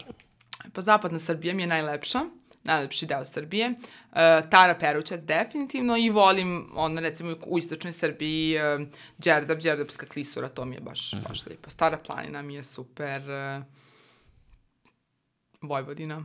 Ja sam mm. iz Subotice, pa Subotica Palić isto da se ovaj, vidi, mm. je baš lepo. Nekako mi je bilo kad si pričala, kao razmišljam da li je tužno što smo se okrenuli Srbiji tek kad je neka muka pa onda shvatiš kao naša zemlja je prelepa, jer važi taj kao, to često Ema i ja pričamo, neko je platio da dođe u Beograd mm -hmm. i da poseti, a mi živimo 40 minuta od Beograda, a mrzi me da odem do Beograda. Ali to je sasvim normalno. Da. Ja to ne bih tako uh, gledala. Šta je bio moj razlog što nisam obilazila Srbiju ranije? Znala sam kad budem starija, mnogo mi je lakše da idem po Srbiji, sada mhm. koristim ovo vreme i snagu da putujem po zemljama koje su prosto logistički zahtevnije. Ja nikada nisam mislila da je Srbija manje lepa, jer kad me pitaju koja je najlepša zemlja na svetu, meni je to Srbija. I zaista, znači nešto sam iz Srbije, ali Balkan, generalno region, mislim, e, kad bi ti sve nas spojio opet, pa mi nema šta nemamo. Mislim, to što ove zemlje imaju od vodopada, mora, svega, to je stvarno fenomenalno. O, noćni život, hrana, sve imamo, bukvalno imamo sve. Meni je to više bila neka logistika i neko koji mi treba da, da radimo malo na tom turizmu, da privlačimo ljude sa strane. Mm -hmm. Tako da sad nije problematika toliko što smo mi sad u koroni. Svi su. Misliš da je Nemac putovao po Nemačkoj? Nije, dok nije došla korona. Da, da, ima, ima smisla. Tako da sad tu negde, ja sam isto imala, čitala neke prozivke kao na moj račun, ja sad je ona našla da putuje po Srbiji, kao skuplja poene, ne, Pa šta? Kao sad si ti bitniji od mene što si ti putovao po Srbiji ranije. Mislim, da, da, da. ti napolje da si mogao. E, grozno zvuči, ali, ali zaista je tako. Ne voliš ti ništa Srbiju više od mene. Ja isto volim. Ja se uvek smatram ambasadorom svoje zemlje u svetu i svima uvek pričam koliko je lepa Srbija i najveće mi je zadovoljstvo što sam toliko ljudi iz Amerike koje sam upoznala koji nisu imali pojma šta je Srbija, nikada čuli nisu, bukvalno su došli, bili tu po mesec dana kod mene u gostima. I to mi je onako najveći uspeh kad stvarno dovedeš, znači oni su potrošili toliko svog novca i toliko doprinjeli ono, našoj ekonomiji, turizmu, sve, svemu i dalje širili priču o zemlji koja realno ima vrlo negativnu konotaciju u svetu. I to je nešto kad me ljudi pitaju, evo, opet se vraćam na taj Pakistan, to je možda bila neka najekstremnija, eh, najekstremnija samo u tom smislu propagande. Pakistan je neverovatno pitoma destinacija. Ali kad sam, ja, eh, kad sam ja rekla, to je bilo kao da ja idem u rat, ne znam kakav. I onda sam ja sam ljudi, ljudima rekla, uh, da li ste vi svesni da prosječan Amerikanac misli da je Srbija ono number one, uh, ne znam, teroristička zemlja na svetu. Kao ja kad kažem da sam iz Srbije, oni ono ovako me gledaju. E, to je propaganda. I mislim da mi samo nismo svesni šta ljudi drugi misle o nama. I tako mi mislimo o nekim zemljama. Mislim, naravno da postoje zemlje u kojima je zaista i dalje kritično. Ja sam vrlo odgovorna, ja neću ići tamo gde je rat. E, nešto se, ja se stvarno ne bojim, ja strah nemam, to je možda i loše, nego prosto ne želim svoje roditelje da dovodim u situaciju, da ja ostanem bez signala, da im se ne javim. I to mi je nekako glavna stvar kad idem na put, e, nebitno gde, ja se njima javljam. E, ne želim nikakve stresove, ok, naravno, ne na svakih sat vremena, ali dva puta dnevno, tu sam, tu sam, tu sam i u svakom trenutku želim da znaju gde sam i nikada im ne bi priredila taj stres da ja negde odem, ostanem bez signala, ne da Bože nešto se desi i to mi je onako najveći najveća stvar kada biram destinaciju, s tim što kažem, ne verujem propagandi. Bila sam u Brazilu 10 dana sama, e, ne smetram da je Brazil opasan, ne smetram, ok, može da te neko opljačka, ali mene su opljačkali na Zlatiboru. Uh, ne smatram da će me neko ubiti. E, tu pravim to, ok, bila sam vrlo obazriva u Brazilu, ali ja sam ušla i u favelu i sa meni ništa nije bilo. I znaš, i to je, jednostavno ljudi prave od toga ne znam šta, u stvari je, vrlo je sve to pitomo, kada se ti ponašaš po tim pravilima. Ja jako poštem pravila zemlje u kojoj, kojoj se nalazim. Oblačim se, ja sam sad Saudijsku Arabiju, ću sve pripremiti vrlo zatvoreno, ako treba stavit ću maramu, ja neću da idem sad gola po ulici i da sebi stvaram neki problem. Razumeš? Če vrlo sam svesna zemlje u kojoj idem i pravila po kojima treba da se ponašam. I eto, hvala Bogu, nisam imala nikad ozbiljnije situacije.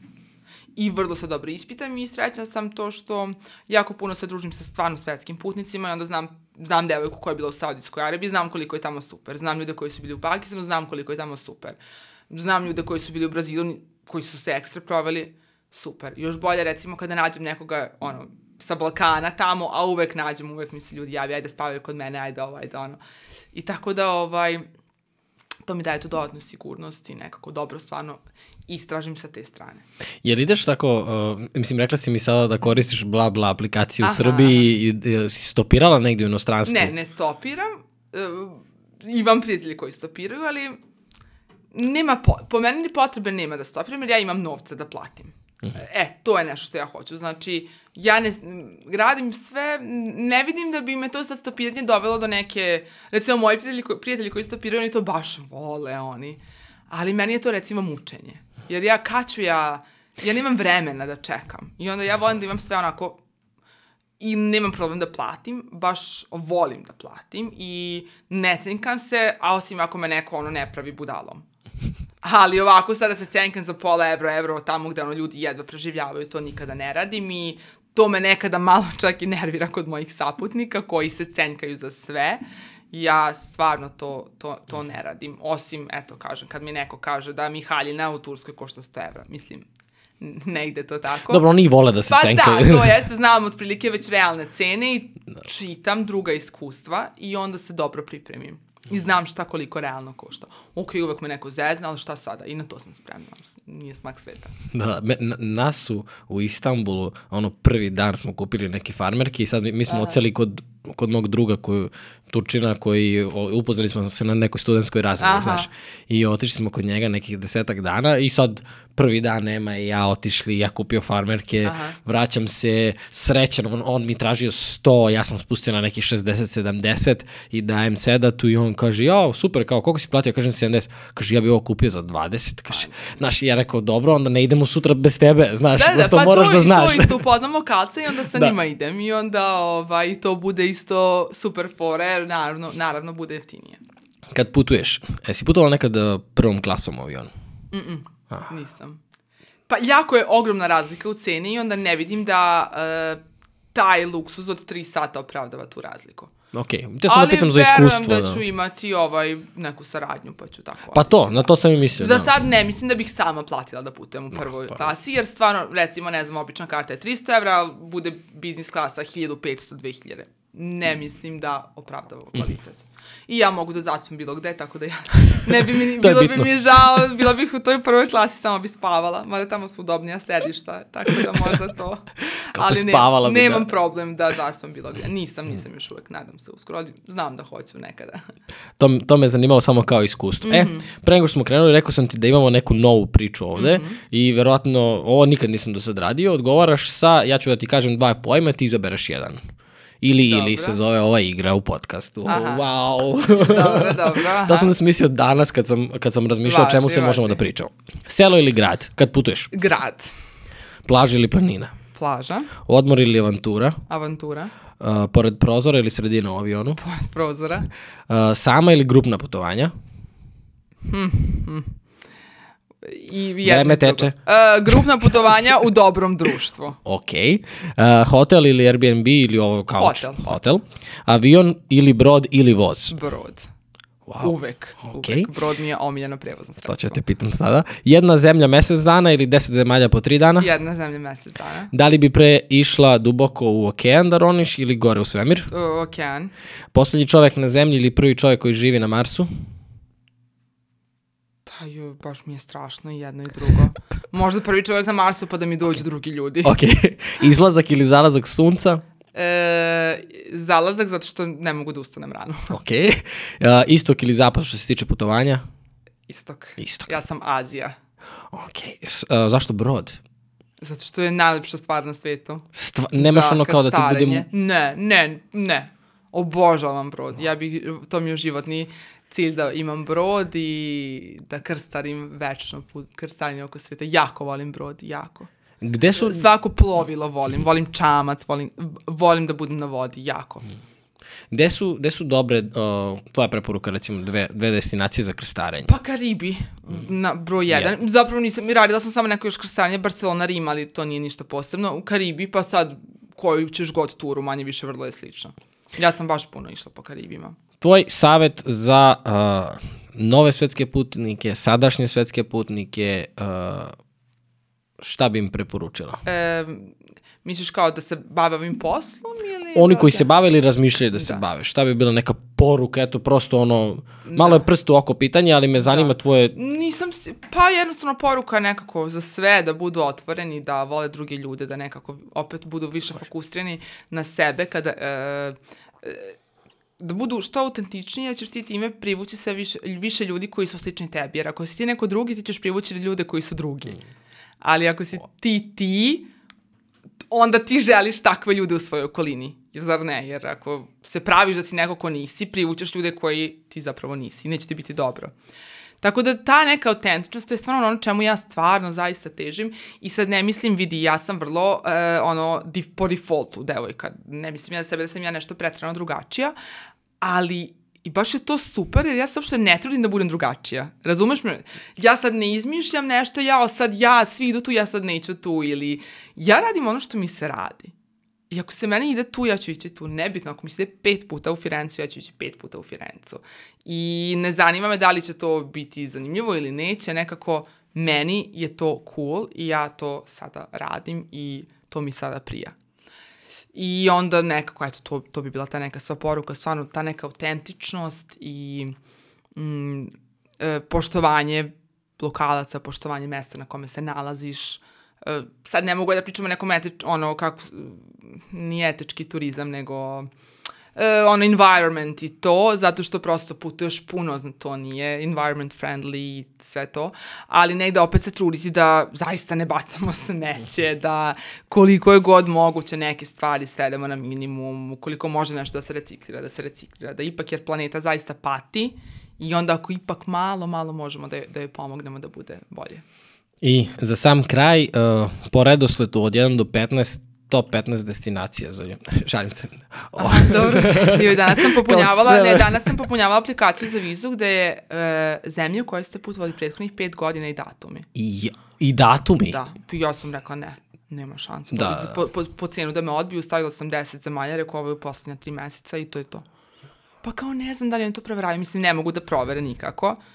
U prethodnih pet godina, to je sedam... Mislim, to je 70. Šta?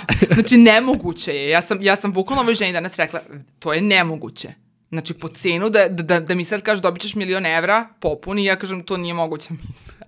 Mada mi je žao što ne vodim neku evidenciju, recimo sad bih ja volila da znam koliko sam, koliko sam puta letela, u koliko sam gradova bila. Koliko si dana bila Kasno van je, sad, zemlje. sad je kasno, da. sad je za to kasno, ali eto, vodim evidenciju o tim posjećenim zemljama, svetskim čudima i tako nekim, ono, što mogu da ispratim, ali mislim, ovo nema šanse da bih mogla. Sam rekla, zaboravi. Mislim, to se često navodi u aplikacijama, ali ja uvek popunim ono 10 i kažem, baš me briga, ako ćeš me odbiti zbog toga, odbij me.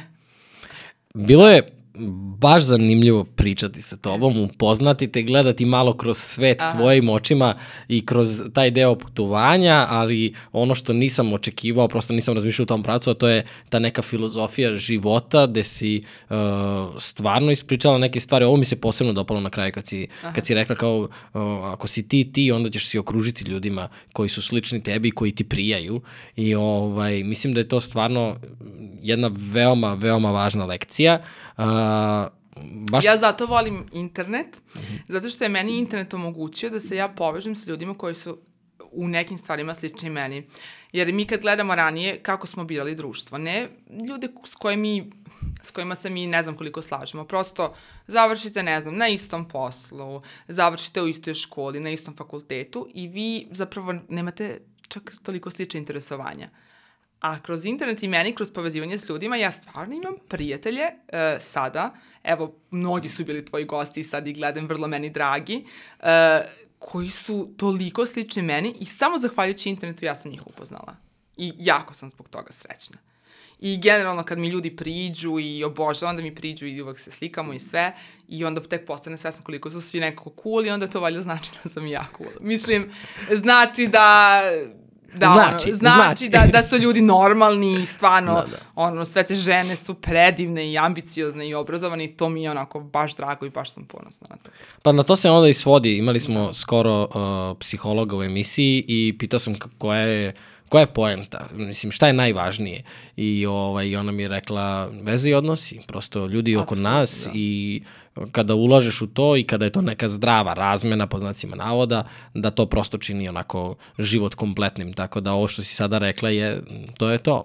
potvrđeno od strane psihologa Srbije. Znaš kao. Da, da, da, da, da. Hvala ti puno, o, Hvala kod nas si uvek dobro došla. Drago mi je da smo uspeli da se ukombinujemo jer konstantno si negde. Da, da, da, ovo ovaj, baš- tako da. da. smo našli pravi termin uh, i kad god, kad god uh, si raspoložena, dođeš da pričamo, da, da podeliš neka nova iskustva, uh, šta god, prosto da znaš da si dobrodošla. Vrlo rado. Pozdravite mi Ameriku. Hoćemo, hoćemo.